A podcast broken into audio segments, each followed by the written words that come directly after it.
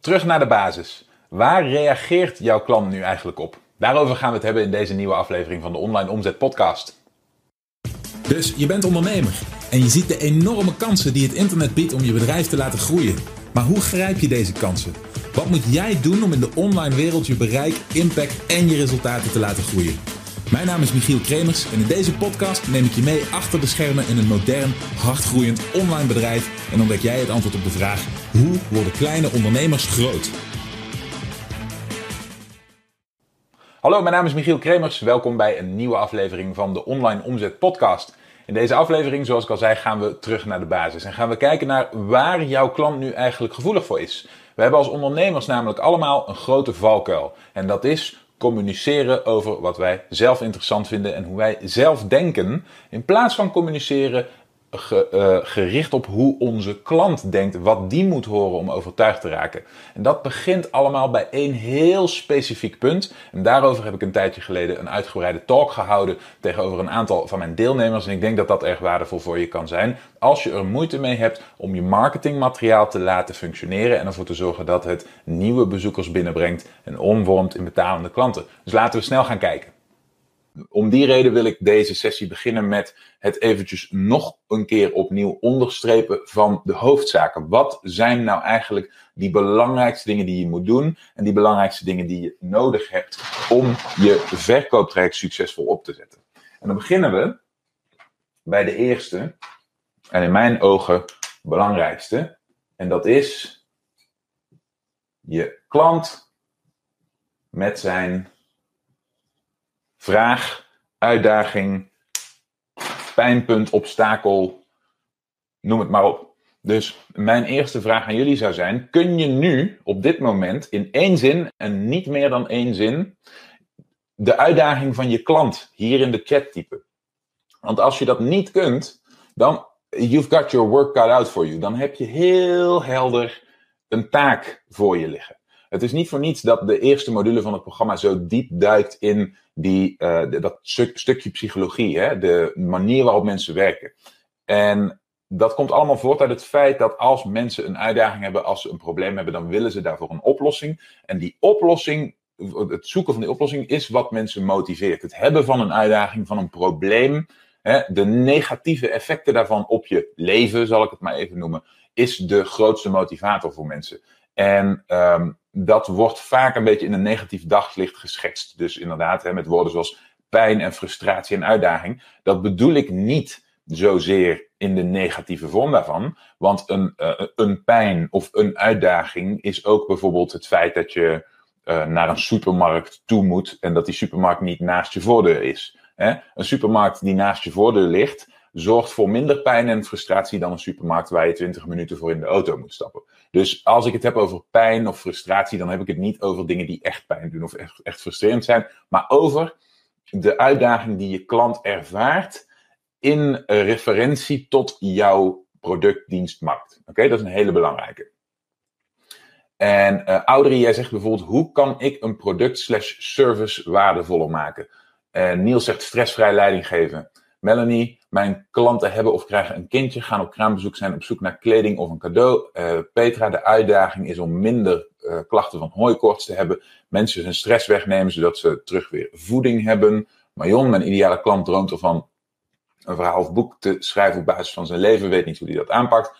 Uh, Edith, minder pijn en gelukkiger voelen. Oké, dus hier zitten een aantal hele goede antwoorden bij, maar hier zitten ook een heleboel hele vage antwoorden bij. En dat is wat ik bedoel met die hoofd- en bijzaken van elkaar scheiden. Veel van jullie hebben een idee van, uh, van het antwoord op deze vraag. Dus van de uitdaging of de frustratie of de pijn van die, van die klant. Hè? Een idee daarvan.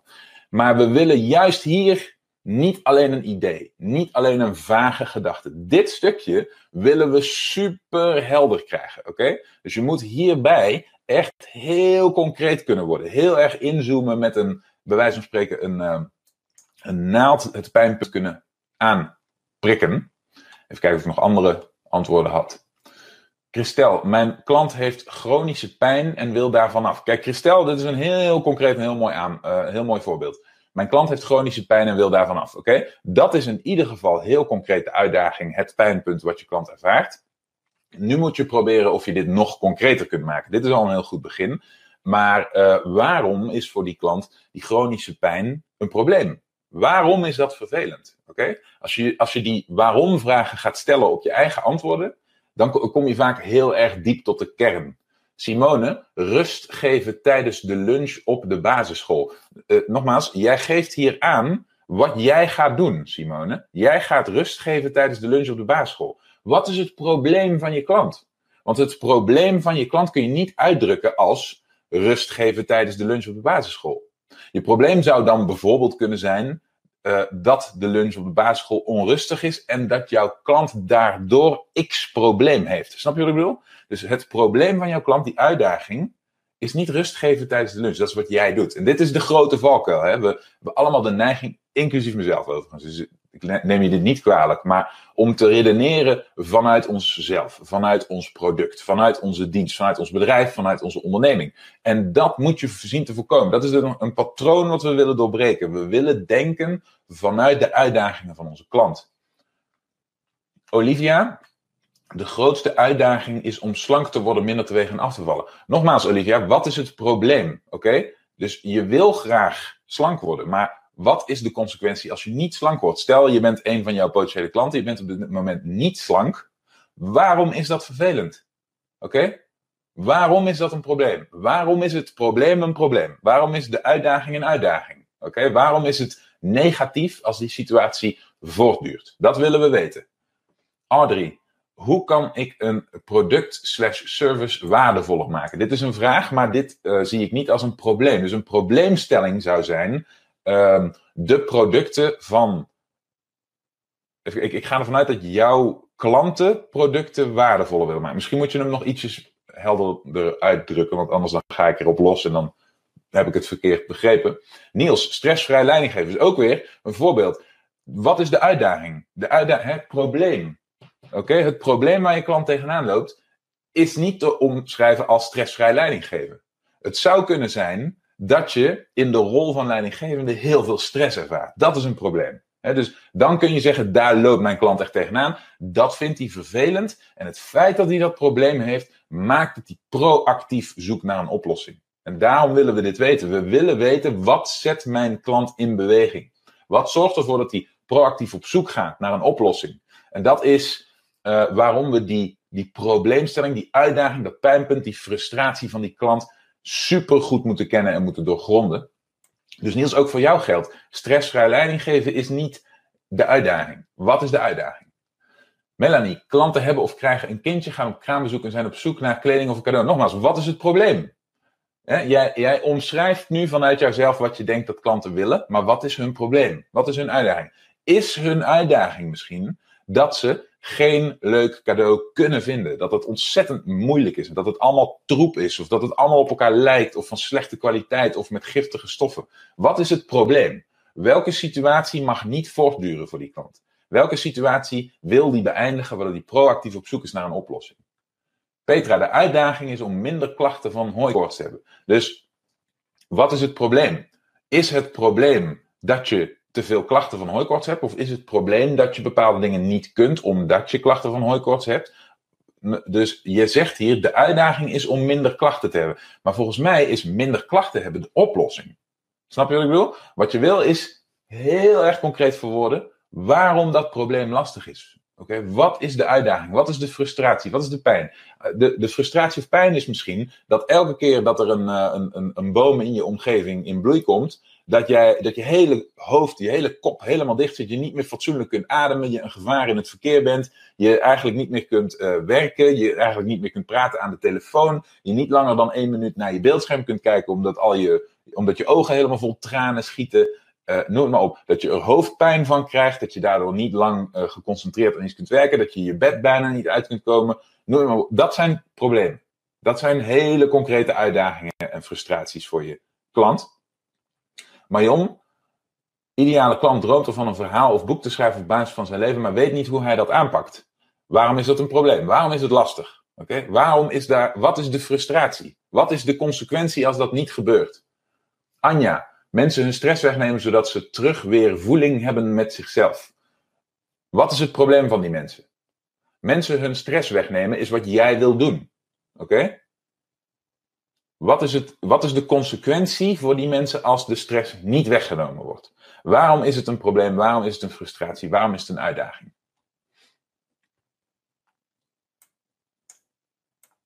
Filip, mijn activiteit is videoreportages voor privéactiviteiten. Nogmaals, ik, ik zie van een paar mensen dat ze niets meer hoorden. Maar ik geloof dat dat slechts een enkeling was. Dus gelukkig valt dat mee.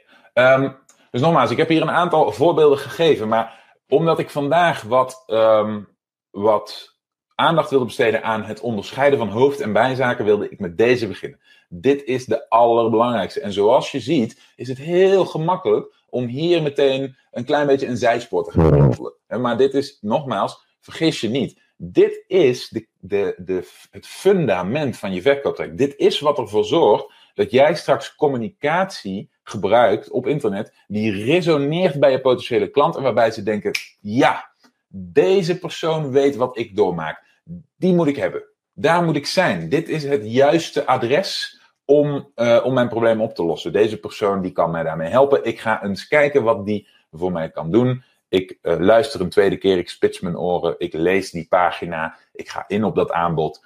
Allemaal begint het bij het feit dat wat daar staat of wat daar verteld wordt, resoneert bij die klant. En dat gebeurt op het moment dat het gaat over het probleem of de uitdaging, pijn of frustratie die die persoon ervaart. En ik weet dat dit voor sommige markten, voor sommige bedrijven en voor sommige ondernemers een enorme uitdaging is. Omdat ze niet goed begrijpen hoe ze hetgeen ze aanbieden kunnen vertalen naar een probleem of een frustratie. En dat is nou net het punt. Heel erg veel ondernemers of ondernemingen beginnen met wat ze zelf willen aanbieden. Oké, Wat ze zelf leuk of tof of interessant of, of inspirerend of wat dan ook vinden. Maar de markt bepaalt wat er gekocht en dus succesvol verkocht wordt. De markt bepaalt waar vraag naar is. En vraag ontstaat waar een unfulfilled need is. Een, uh, een, een, een onvervulde wens, een onvervuld verlangen. En een verlangen ontstaat waar iets ontbreekt. En dat is die pijn slash frustratie waar ik het over heb. Dus als je daar niet bij begint, dan blijf je altijd tegen die muur aanlopen van ja, maar hoe vertaal ik wat ik doe nou naar zo'n uh, zo'n zo'n uitdaging, zo'n frustratie. Als je daarbij begint, als je begint jezelf af te gaan vragen van hé, hey, wie zijn nou eigenlijk de mensen die ik wil helpen en waar lopen die op vast? Wat vinden ze vervelend? Dan wordt de rest van het uitbouwen van je online verkooptraject een heel stuk eenvoudiger. Dus dat is het eerste punt van het scheiden van hoofd- en bijzaken waar ik mee wilde beginnen. Dat is die klantvraag. Het tweede punt is je, noem het maar even, ja, ik, ik weet niet meer precies hoe je dat download tekentje nou ook alweer. Dit is hem volgens mij niet helemaal, maar nou ja, dit moet een download tekentje voorstellen. Uh, is je opt-in incentive. De tweede, uh, tweede punt waar je aan moet werken in je verkooptraject is het, en dit heb je me waarschijnlijk eerder horen zeggen, het bereikbaar maken van je potentiële klant voor jouw marketingboodschap in de toekomst. Oké? Als jij jouw doelgroep niet kunt bereiken op on your own terms, hè, als je daarin afhankelijk bent van derde partijen, advertentieplatformen, noem het maar op, dan, uh, dan ben je altijd onderhevig daaraan en dan kun je nooit groeien, dan komt zo'n verkooptraject nooit tot zijn recht. Dus je tweede hoofdzaak is ervoor zorgen dat jouw potentiële klant heel graag zichzelf bereikbaar maakt voor jou. Nou, hoe bereiken wij mensen in een moderne samenleving? Dat doen we met contactgegevens. En die contactgegevens in een, hè, dan hebben we het even niet over de jaren 90, maar over het jaar 2020, zijn dingen zoals e-mailadressen, Facebook, social media dingen, chat, uh, chatlijsten enzovoort, enzovoort. Het meest concrete voorbeeld hiervan zijn natuurlijk gewoon nog steeds e-mailadressen. Op het moment dat jij iemand zijn e-mailadres hebt, kun jij hem on your own terms bereiken. Dan kun jij beslissen, ik stuur die persoon vandaag een bericht, dus vandaag krijgt hij van mij te horen. Dat is onder jouw controle. Wat niet onder jouw controle is, hè, is als jij een advertentie online zet, of als jij een SEO geoptimaliseerde website hebt waar mensen naartoe kunnen komen of waar mensen op kunnen klikken, maar waarbij, waarbij jij dat niet bepaalt. Oké?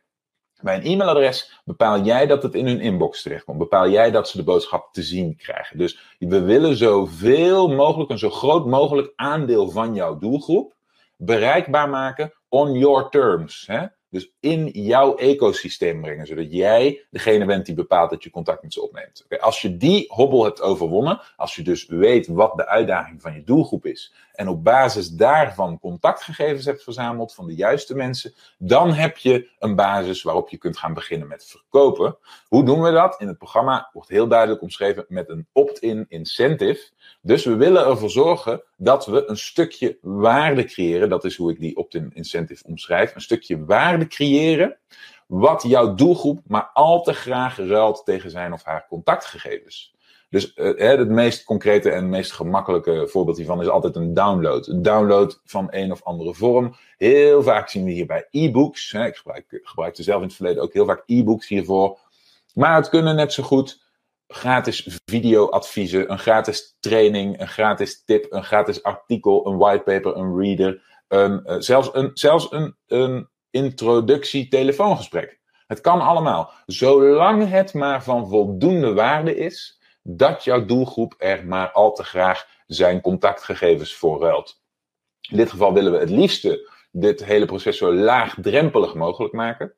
Dus zodra je eigenlijk verder gaat kijken dan e-mailadressen, dan werp je in meerdere of mindere mate barrières op. Als je meteen vraagt om iemands telefoonnummer als hij jou nog helemaal niet kent, is dat, dan is de respons daarop vaak wat lager. Maar dat e-mailadres is wel, uh, wordt vaak gezien als heel laagdrempelig. Die delen mensen over het algemeen wat makkelijker. En dat is je eerste stap. Dus nadat je een download hebt aangeboden, heb je daarna, als het goed is, mensen hun contactgegevens. Maken er maar even een apenstaartje van om dat duidelijk te maken. Nu weet je wie je doelgroep is en wat hun uitdaging is. En je hebt een systeem waarmee je structureel uh, ze binnen je bereik brengt. Oké, Waarbij jij contactgegevens verzamelt op automatische piloot. Dit is schaalbaar. Oké, Dit is wat je op grote schaal kunt doen.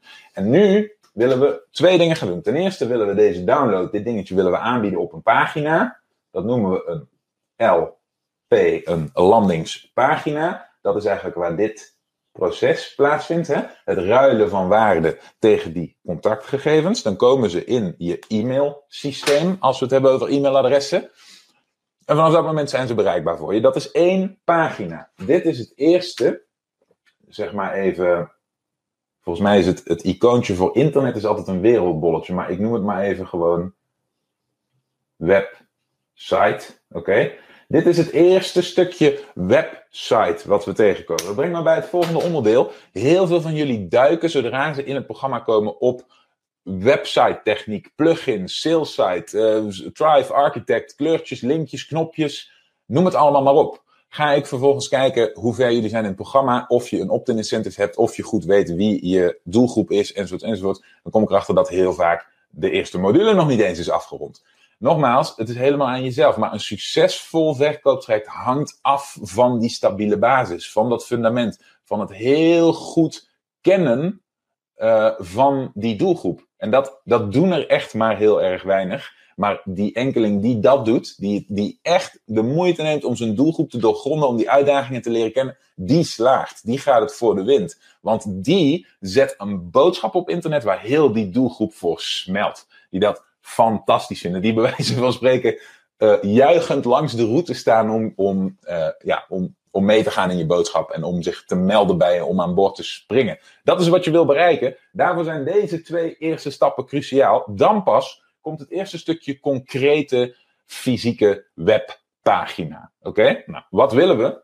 We willen één pagina waarmee we die e-mailadressen verzamelen. Hè? Waarmee we ervoor zorgen dat we mensen kunnen bereiken.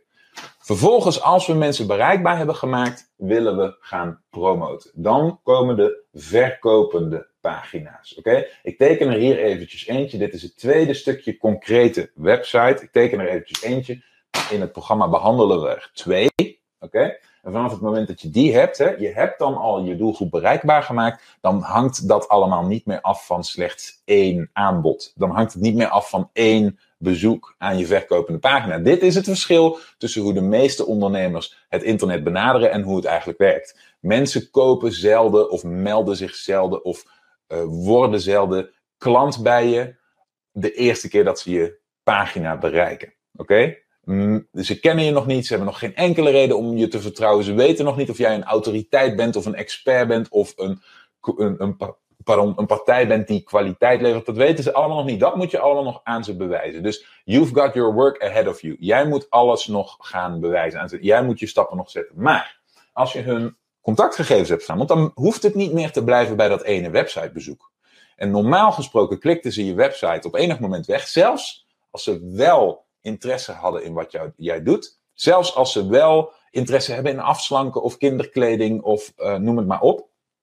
Zelfs als ze al die, die dingen wel interessant vonden, dan nog klikken ze je site op enig moment weg. Het eerste websitebezoek mondt zelden uit in die verkoop. Maar dan zijn ze wel verdwenen. Dan is jouw klant weg naar de achtergrond. En de kans dat hij dan nog op eigen kracht terugkomt, is minimaal. Oké? Dat weten jullie denk ik allemaal, want dit is wat je hebt gemerkt. Je hebt een website, hij ziet er prachtig uit. Eh, het is een, een functionerend verkoopsysteem, misschien zelfs een webshop of met, met allemaal mooie productjes. En dan kun je filteren en dan kun je kiezen en dan kun je afrekenen en dat werkt. En dan wordt het verstuurd en het staat allemaal helemaal op, uh, op poten. En dan lanceer je zo'n website. Komen er klanten? Nee. Komen er bezoekers? Ja, enkele. Komen er klanten? Nee. Oké, voor heel veel van jullie is dat herkenbaar. Ik zie dit terugkomen in de vragen. Ik zie dit terugkomen in de opmerkingen. Dat, uh, dat dit mensen verbaast. Nou, hoe komt dat? Dat komt simpelweg hierdoor. Ze hebben nog geen kennis met je gemaakt. Je hebt nog niet aan ze bewezen dat jij de partij bent die hun uitdaging snapt en kan oplossen. Oké, die twee punten die heb je nog niet aan ze bewezen. En logisch, het is pas hun eerste websitebezoek. Maar omdat je ze niet bereikbaar hebt gemaakt, kun je dit ook niet aan ze gaan bewijzen. Dus zodra ze jouw pagina weg hebben geklikt, is, het, is de transactie eigenlijk afgebroken en onmogelijk. Nu heb jij hun contactgegevens, nu kun je ze opnieuw gaan benaderen en telkens weer opnieuw herinneren aan het feit dat je een aanbod hebt. En dat doe je op je verkopende pagina's, je sales pages. Hoe je op een sales page iemand krijgt van kennismaken met jou tot daadwerkelijk geld aan je overmaken, hè, is een onderdeel waar we uitgebreid op ingaan in de cursus. Maar dit zijn de eerste twee modules en dit zijn die hoofdzaken. Die zijn eigenlijk belangrijker dan al het andere. Terwijl alle toffe, hippe, stoere, mm, moderne online marketing trucjes en tips en, en copywriting en webpsychologie en optimalisaties en SEO en advertising komt allemaal daarna pas. En, uh, en dus ook wat je doet met je websites en je kleurtjes en je pagina's en je tools en noem het maar op. Dat komt allemaal daarna pas. En heel veel van jullie hebben de neiging daarmee te willen beginnen. Waarom? Logisch, neem het je ook niet kwalijk. Waarom? Als je op het internet je gaat verdiepen in die onderwerpen, in online marketing of online verkoop in het algemeen, dan schreeuwt iedereen over die onderwerpen. Alsof het daar allemaal om draait. Alsof het allemaal draait om welke tool je hebt uh, waar je website op draait. Alsof het allemaal draait om, um, om, om, om je Facebook ads. Alsof het allemaal draait om je chatbots. Alsof het allemaal draait om SEO en bezoekers trekken. Nee, al die dingen zijn secundair. Het begint allemaal bij iets hebben waar jouw doelgroep daadwerkelijk interesse in heeft. Heeft je doelgroep geen interesse en kun je ze daarom niet bereikbaar maken voor je marketing in de toekomst, en dan kun je al die andere toffe dingen gaan doen, maar dan ga je er niet ver mee komen. Oké? Dit is het stukje hoofd- en bijzaken. Eigenlijk hebben we in het programma een onderscheid tussen twee fysieke stukjes website. En dit is de, denk ik voor de meeste van jullie de grootste switch die gemaakt moet worden. Het draait niet om al die pagina's. Het draait niet om je website in traditionele zin. Er zijn maar een paar stukjes, ik noem het wel online vastgoed, die echt uh, het verschil maken. En de belangrijkste daarvan is je landingspagina, die die mensen bereikbaar maakt. En daarna je sales pages. Oké, hopelijk is hieruit duidelijk geworden voor je dat een van de grote valkuilen waar je misschien zelf ook nog regelmatig instapt, is dat je niet goed hebt nagedacht over wacht eventjes, wat is nu eigenlijk echt het probleem van die klant? Wat is het probleem als je echt helemaal doordringt tot de kern? Als je elke keer opnieuw vraagt waarom? Wat is het probleem? Dan komt een antwoord op. Waarom is dat antwoord een probleem? En ook daar komt een antwoord op. En waarom is dat dan een probleem? Drie keer die waarom vraag stellen is, is een hele erg goede methode om erachter te komen wat aan de basis van een frustratie of een uitdaging van jouw klant staat. Dit is een oefening die we structureel doen met iedereen die deelneemt aan het ontbrandingstraject. Mijn cursus waarin we in zes weken tijd een volledig verkooptraject voor je bedrijf opbouwen. Als je nu bij jezelf denkt, hey, dit is het type begeleiding wat ik nodig heb. Dit is het type denkwerk wat ontbreekt in mijn onderneming tot nu toe. En ik merk dat mijn online verkoopcijfers achterblijven, dan kunnen we je misschien helpen. En dan zou ik je willen vragen om te gaan naar onlineomzet.com slash interesse en een gesprek met mij of een van mijn collega's aan te vragen. Dan kijken we of we je binnenkort kunnen gaan helpen. Alvast een hele fijne dag en ik zie je heel graag terug in de volgende aflevering. Bedankt voor het luisteren. Heb je iets aan deze aflevering gehad of heb je een vraag? Laat het me weten via de comments. En vergeet niet te abonneren. Dan blijf je op de hoogte van alle tips en strategieën waarmee jij als moderne ondernemer groot kunt worden. Voor een overzicht van alle afleveringen ga je naar onlineomzet.com/podcast.